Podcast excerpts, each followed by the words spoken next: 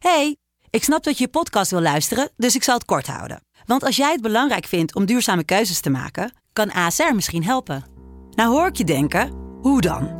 Nou, bijvoorbeeld bij het duurzaam herstellen van schade. Of de premies die we beleggen volgens ons duurzaam beleggingsbeleid. Dat bepaalt waar we wel en juist niet in investeren.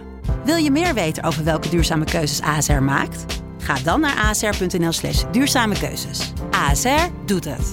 Zo, dan kan je nu lekker naar je podcast luisteren. De stroom. hey, weet je waar je een keer naartoe moet gaan? Het museum. In je eentje, met z'n tweeën, maakt niet uit.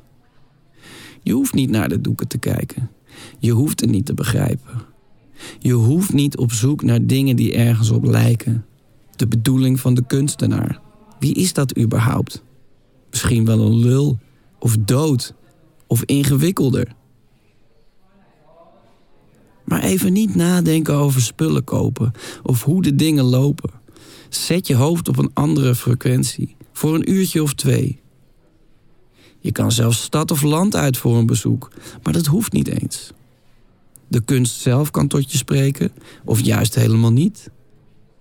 Misschien dat je in de museumwinkel iets leuks ziet. Daarna een kopje koffie of een theetje. En rustig aan terug de wereld in, een beetje.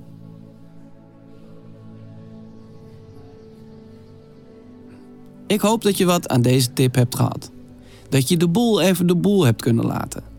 Heb jij zin in nog meer fijne podcast? Luister dan eens naar Vader of de podcast Use and J New Emotions. Geniet. Liefs, Pepijn.